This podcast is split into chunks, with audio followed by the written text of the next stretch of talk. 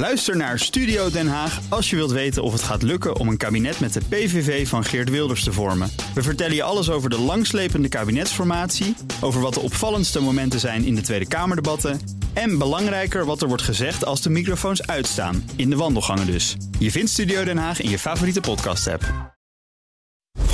BNR Beurs wordt mede mogelijk gemaakt door Bridge Fund. Make money smile.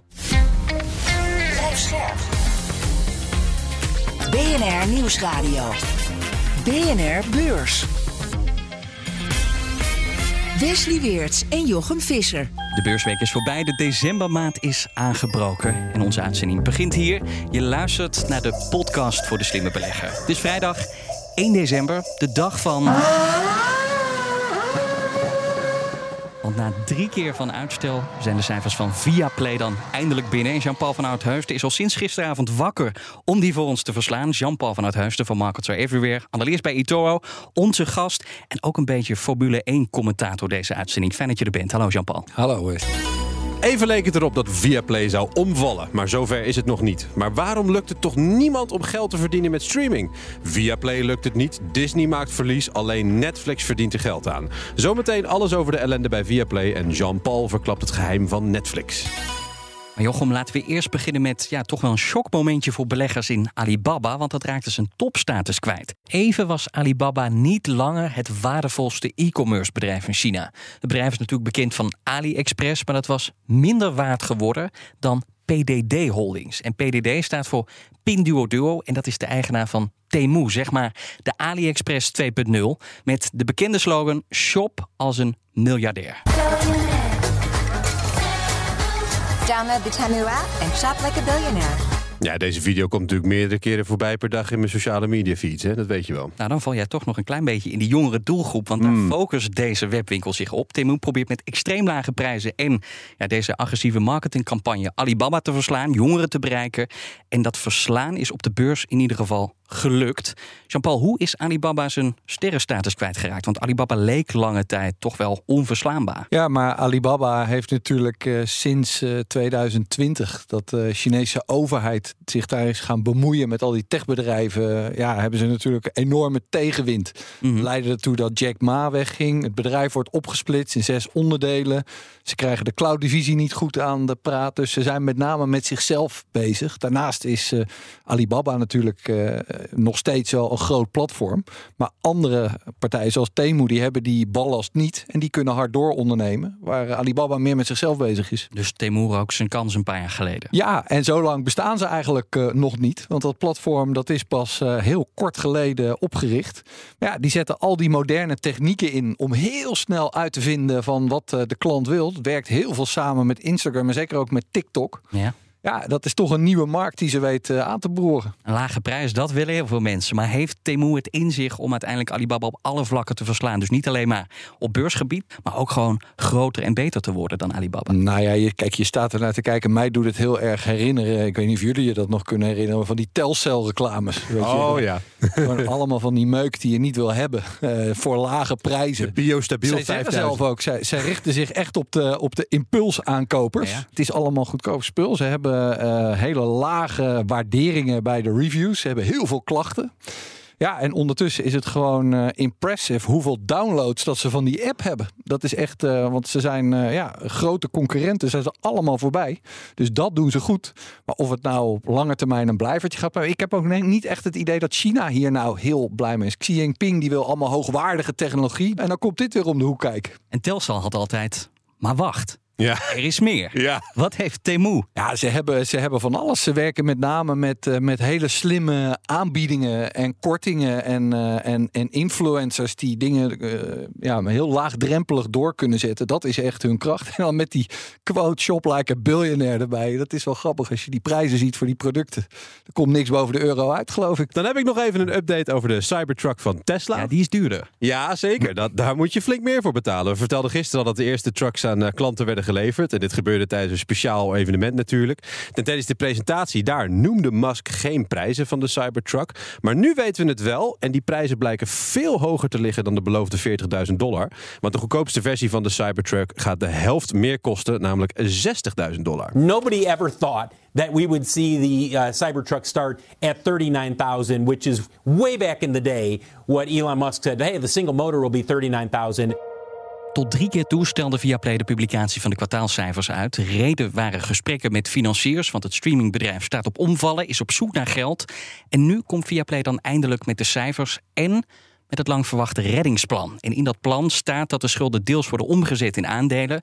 En Viaplay gaat geld binnenhalen door nieuwe aandelen uit te geven. Dat moet zo'n 350 miljoen euro opleveren. Viaplay staat dus nog overeind, Jean-Paul. Maar hoeveel scheelt het? Nou, uh, op een haar na. Uh, eigenlijk zou je kunnen zeggen, ze zijn technisch failliet. Uh, want ja, meer zit er niet in. Er moet zoveel extra kapitaal in. Uh, twee keer zoveel als dat de beurswaarde op dit uh, moment is. Nou is daar ook niet meer veel van over. Van die meer, gisteren was het nog steeds zo'n 170 miljoen. Ja, het was veel meer. Maar 170 miljoen is toch nog best wel heel veel geld. Ja, inmiddels is er vandaag vanmorgen 80, nu 70 procent af. Ja. Maar ja, ze schrijven ook zelf in het bericht wat gaat over die herkapitalisatie. Ja, uh, de aandeelhouderswaarde is op dit moment eigenlijk nul. Ja, dan hoort daar ook een lage beurskoers bij. Nou, je, je zei het zelf al, 70% lager, meer dan 70% lager staat het aandeel nu alleen vandaag dus. Beleggers reageren dus vernietigend op het plan dat is aangekondigd. Ben jij net zo negatief over de dingen die ze hebben aangekondigd? Nou ja, kijk, ze kunnen gewoon geen kant op. Ze hebben lopen leuren met alle assets die ze hebben. Ze hebben al 30% van het personeel uh, laten vertrekken. Ze hebben al aangegeven dat ze in, in bijna alle landen vertrekken, behalve in Scandinavië, Nederland grappig genoeg. En uh, ja, ze hebben dan ook nog uh, via Play Select. Maar er is eigenlijk niemand die echt wat wil kopen. In Engeland hebben ze dan nog wel uh, een, een streaming service terugverkocht aan de partij waar ze het vorig jaar van hebben gekocht. Maar nu springen er twee partijen in, Kanaal Plus en een, een Tsjechische investeringsgroep. Ja. Uh, maar wel met allemaal voorwaarden waar nog aan moet worden voldaan. Dat gaat nog maanden duren voordat daar duidelijkheid over is. Want hoe ziet die route naar winstgevendheid eruit? Ah, winstgevendheid hebben we het toch niet eens over. Nee, maar daar willen we wel naartoe natuurlijk. We hebben het eerst over herkapitalisatie. En dan hebben we natuurlijk bijvoorbeeld in Scandinavië komen er gewoon abonnementsgelden binnen. Hoe dat in Nederland overigens moet gaan nu het Formule 1 seizoen is afgelopen, vraagt me af. Ik zie veel uh, opzeggingen. Ze hebben te veel geïnvesteerd, te weinig abonnementsgelden krijgen ze binnen. Dus er moet geld in. Zijn die grote partijen die uh, hebben dat gezegd. Normaal gesproken doe je dat met een aandelenemissie. Maar ja, daar hebben ze niet de zekerheid dat ze het gaan ophalen.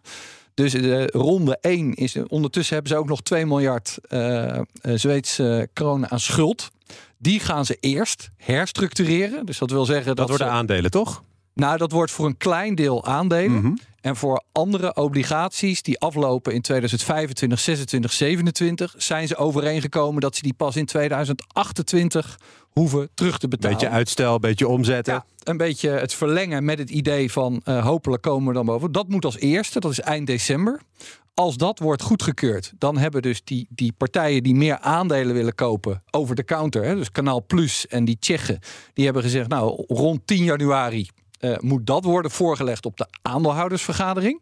En als daar een positief uh, besluit, dus twee derde meerderheid op komt, dan doen ze nog voor ongeveer een kwart een publieke aandelenemissie. Die ook vol moet komen om het hele plan te laten slagen. En dan ben je ongeveer, uh, zit je op 2 februari. En wat hou je dan over als huidige aandeelhouder? Uh, ja, niks. Nee, nee, helder. Want nee, dus is het is allemaal een- verdunning. Het dit, is hè? een enorme uh, verwatering. Dus wat hou je over? Uh, hoop. En en ja, een, een plan waarvan toch duidelijk is dat het plan wat ze hadden, dat het veel te optimistisch was. Daar hebben ze natuurlijk nu naar gekeken, strategische analyse gemaakt. Maar ja, het is toch maar de vraag. Inderdaad, je zei het aan het begin al. Je ziet die streamingdiensten allemaal niet veel geld verdienen. Dus ja, het is een moeilijk verhaal om te zien hoe dat dan nu wel gaat lukken. Nou, daar dan over gesproken. Viaplay zit in een markt waar je helemaal schil betaalt aan de sportrechten. Dat, dat, valt daar met zulke prijzen wel geld aan te verdienen eigenlijk voor de toekomst? Kennelijk niet. Uh, en het is, ze hebben best wel een aardige portefeuille opgebouwd. Uh, ze hebben de, het Engelse voetbal, het Duitse voetbal, het darten, uh, Nederlandse hockey zit er dan in. ja. Um, ja, en die Formule 1 is natuurlijk het, het paradepaardje. Maar ja, uh, ook daarvan zullen ze vast wel een rondje hebben gemaakt. Ik luister dan altijd graag naar Chris Wood. Die zegt ook, ja, buiten Viaplay is er gewoon niemand. Uh, ja, Ziggo is misschien de enige, maar die gaat nooit die 33 miljoen betalen. Wat zei je? Hebben betaald. Nee, laten we ook even naar die cijfers kijken. Want we zouden bijna vergeten dat die nu ook eindelijk gepubliceerd zijn. Ja, volgens nog lukt het dus niet om geld te verdienen. Via Play leed afgelopen kwartaal ruim 60 miljoen euro verlies. Dat kwam ook door verschillende afschrijvingen die ze moesten doen. En vorig jaar was dat verlies ja, nog slechts 7,5 miljoen euro. Via Play bewijst dus opnieuw dat geld verdienen met streaming lastig blijft. Eerder zagen we ook al dat Disney het niet lukt om geld te verdienen met streaming. Uh, Netflix lukt het dus wel. Wat doet Netflix beter dan al die andere streamingreuzen? Abonnees binnenhengelen. Dat is echt het grote verschil. En dat is heel bazaal. Maar dat zie je hier ook weer terug. Dus die derde kwartaalcijfers van Viaplay. Dat meest zorgwekkende, is een goed punt om het erover te hebben. Het meest zorgwekkende daar is dat dat afneemt. Dat neemt niet toe. Dus het, het, het neemt zelfs nog schrikbarend af. Ja. ja. en Netflix heeft natuurlijk jarenlang achter elkaar groei laten zien. Nou, op een gegeven moment vlakt dat misschien wat af. Maar die hebben nu toch weer nieuwe initiatieven waar ze toch weer nieuwe abonnees, lees nieuwe inkomsten mee weten te krijgen. Ja, ze waren er vroeg bij. En ik denk dat toch het verschil is dat Netflix ook gewoon een product heeft wat mensen echt gewoon heel erg graag willen hebben. En bij Viaplay heb ik het idee dat mensen het zien als een moedje omdat ze die Formule 1 willen zien. En voor de rest uh, vinden ze het wel prima. Maar wie blijven er uiteindelijk naast Netflix over? Nou, Disney gaat het uh, links of rechtsom heus echt wel redden. En zo zijn er nog wel een paar partijen die het uh, heus wel... YouTube... Er zit denk ik nog heel veel potentie in. Ik denk je daar, dat ze daar nog niet uithalen wat erin zit. Waar je positief over kan zijn met die streamingdiensten. Ook dat vind ik altijd leuk. Eh, eh, Netflix publiceert daar regelmatig over. Dat ze gewoon nog steeds veel terrein winnen. Ten opzichte van eh, kabeltelevisie en zo, zeg maar. Dat je denkt, is dat dan al niet al lang gebeurd? Nee, je ziet YouTube, Netflix al die streamingdiensten die gaan per saldo er nog op vooruit. Mhm. Dus er is daar wel wat uh, te halen. Dus er zijn wel een paar grote partijen die dat, uh, die dat gaan redden. Via Play niet. Op basis van de cijfers zoals we die vanmorgen hebben gezien. Ja, ik heb er echt een hard hoofd in dat ze het volgend jaar uh, dat ze er nog zijn.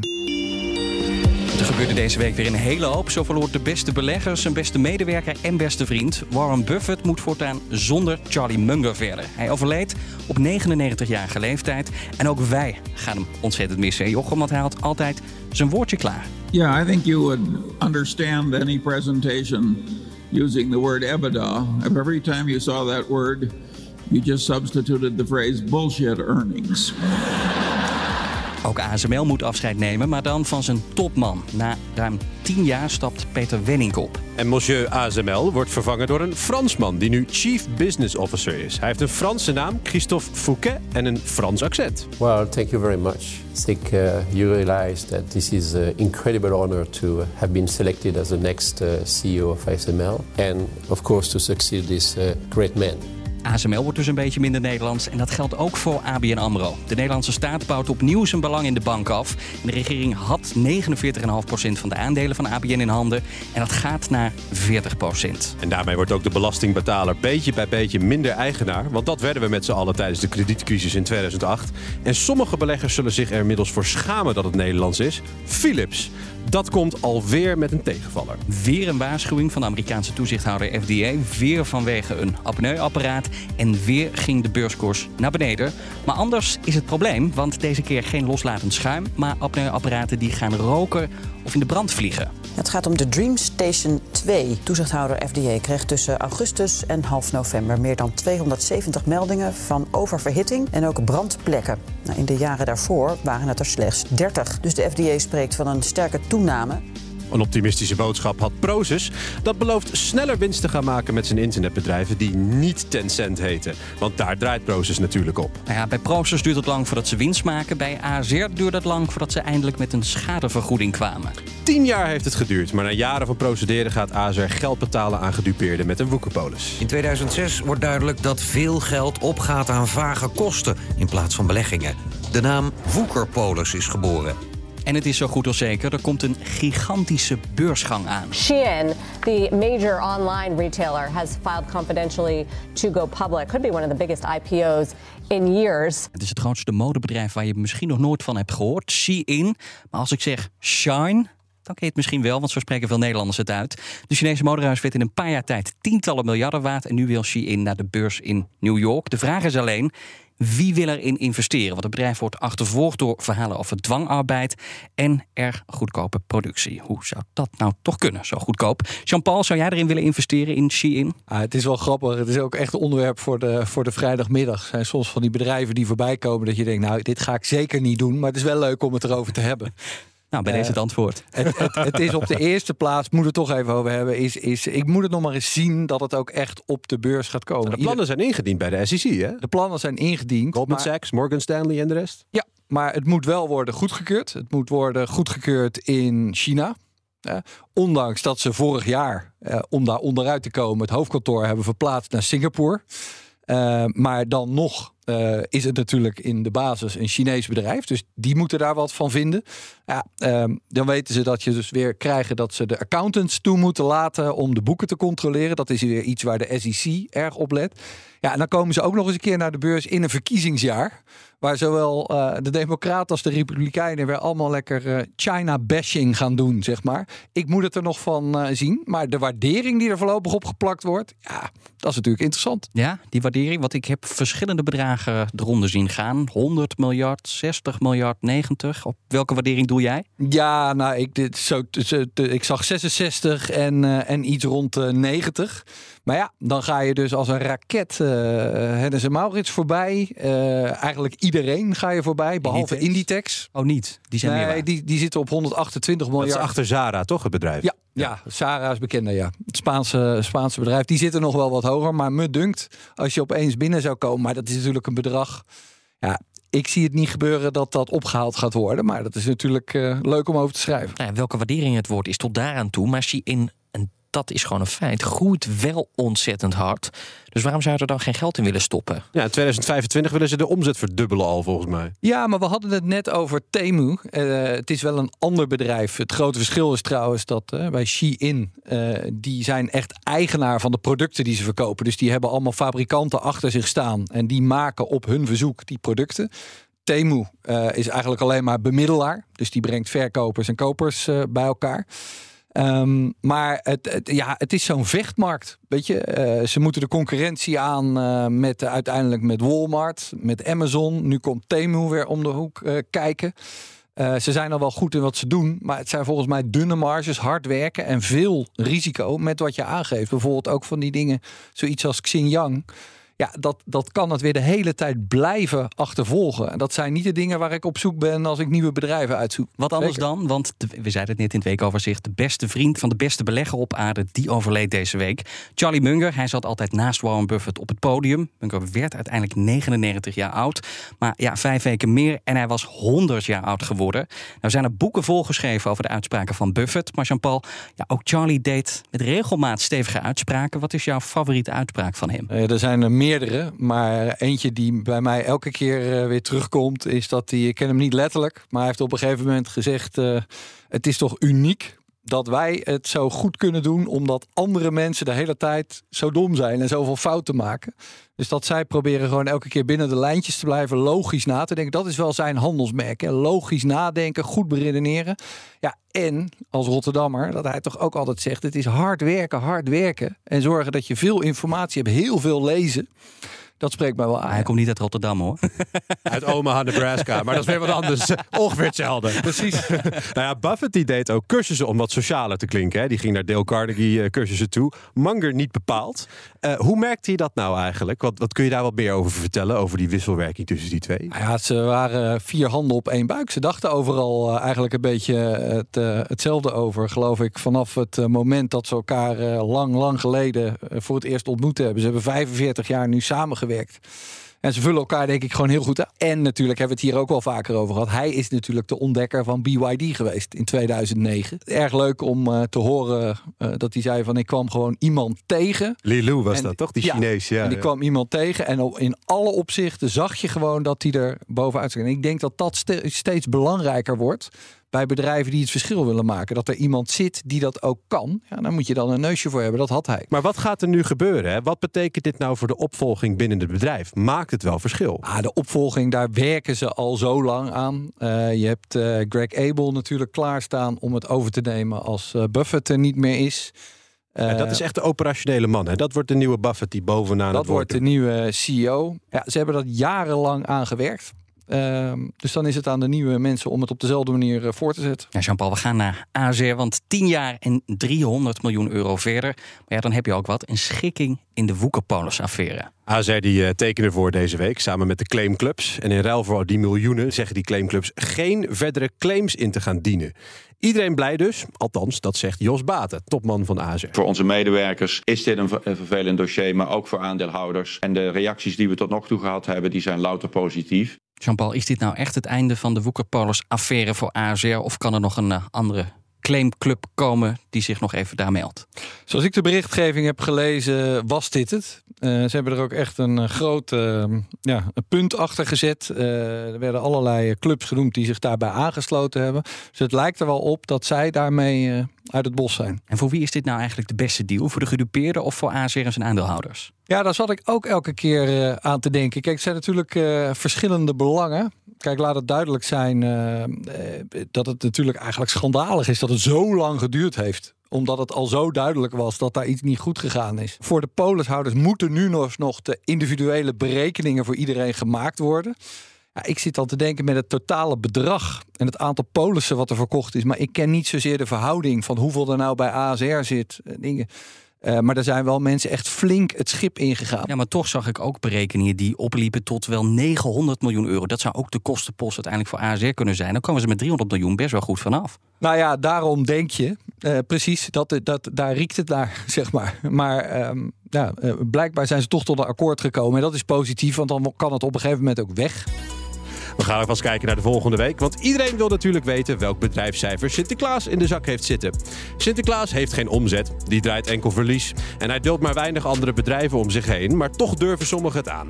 Reisorganisatie TUI komt met cijfers. iPhone-producent Foxconn komt met de omzetcijfers over november. En chipbedrijf Broadcom vertelt over zijn vierde kwartaal.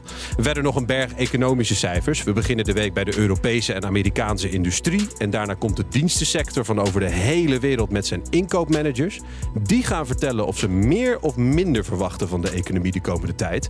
En beleggers zijn razend benieuwd, want of je nou schoenen, pindakaas of vakanties verkoopt, de consument moet er wel geld voor hebben. En de spaarrekeningen in Europa en Amerika zijn inmiddels flink wat leger dan ze waren aan het begin van dit jaar. Ik gok dat veel mensen dit weekend alvast Sinterklaas gaan vieren. Ik wens je alvast veel plezier, snoep vooral veel en poes daarna goed je tanden. Ja, dankjewel, hulp Sinterklaas, Jean-Paul van Uithuizen. Maar de rest van het jaar is hij van Markets Are Everywhere en analist bij Ito. En jij bedankt voor het luisteren. Nou, nog even Wes, want over luisteren en luisteraars gesproken. Geen luisteraarsvraag vandaag, maar wel nog even mailtjes en tweets. Waar we heel blij van werden. Want we krijgen allemaal jaaroverzichtjes van luisteraars die via Spotify naar ons luisteren. En daar zitten wat superfans tussen. Ik noem even mijn achternaamgenoot Gijs. Gijs Visser dus. Die luisterde dit jaar 3600 minuten naar ons. Oftewel 60 uur. Moeilijke som. Nou, ik heb nog iemand die daar overheen gaat. Oh. Ik weet niet hoe dat die heet, maar op X, het oude Twitter, heet hij Disruptivator. Oh. En daar heeft hij ook een screenshot geplaatst. En in dat screenshot staat dat hij ruim 4800 minuten, dus meer dan 80 uur, naar BNR Beurs heeft geluisterd. Dus doe ons even een lol. Maak allemaal een screenshot van je Spotify rap of hoe dat ook heet. En laat maar zien dat je over de 5000 minuten heen komt. En stuur dat dan naar bnrbeurs.bnr.nl. Ik denk dat ik dat wel red, ja. Maar uh, ik uh, luister hem altijd via de BNR-app. Dus dan uh, kan ik hem op de Spotify niet terugzien, volgens mij, toch? Hij maakt ook nog reclame voor ons. ja. En ik ga vragen aan de ontwikkelaars van de BNR-app... of ze die functie ook willen toevoegen. Dit was hem dan echt, de Beursweek en BNR Beurs. We zijn er maandag weer. Tot dan. Tot maandag. BNR Beurs wordt mede mogelijk gemaakt door Bridge Fund. Make money smile. Bij BNR ben je altijd als eerste op de hoogte van het laatste nieuws. Luister dagelijks live via internet. Bas van Werven. En heel langzaam komt de zon op rond dit tijdstip. Je krijgt inzicht in de dag die komt op BNR, het Binnenhof in Nederland en de rest van de wereld. De Ochtendspits. Voor de beste start van je werkdag. Blijf scherp en mis niets.